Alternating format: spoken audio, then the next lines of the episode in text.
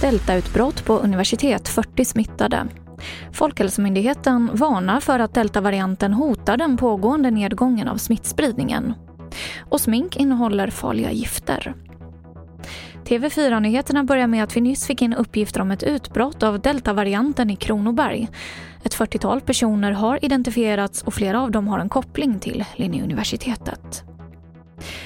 Och antalet fall av just deltavarianten av coronaviruset ökar kraftigt och nu varnar Folkhälsomyndigheten för att mutationen hotar den pågående nedgången av smittspridningen i Sverige.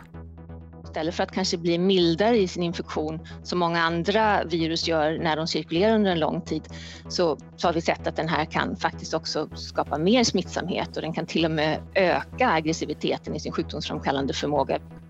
Det sa Karin Tegmark Wisell som är biträdande statsepidemiolog. Vanligt smink innehåller stora mängder av giftet PFAS. Det här visar en ny amerikansk studie.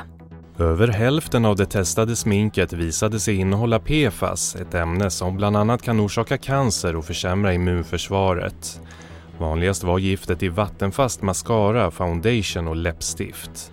Nio av tio förpackningar uppgav inte heller att produkten innehöll PFAS, trots att det är krav på det i USA precis som i Sverige.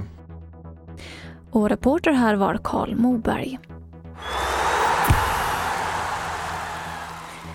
Och till sist ska jag berätta att idag så spelar Finland sin andra mästerskapsmatch någonsin när man möter Ryssland klockan 15.00.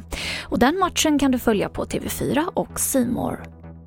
Och det var det senaste från TV4 Nyheterna. Jag heter Emily Olsson.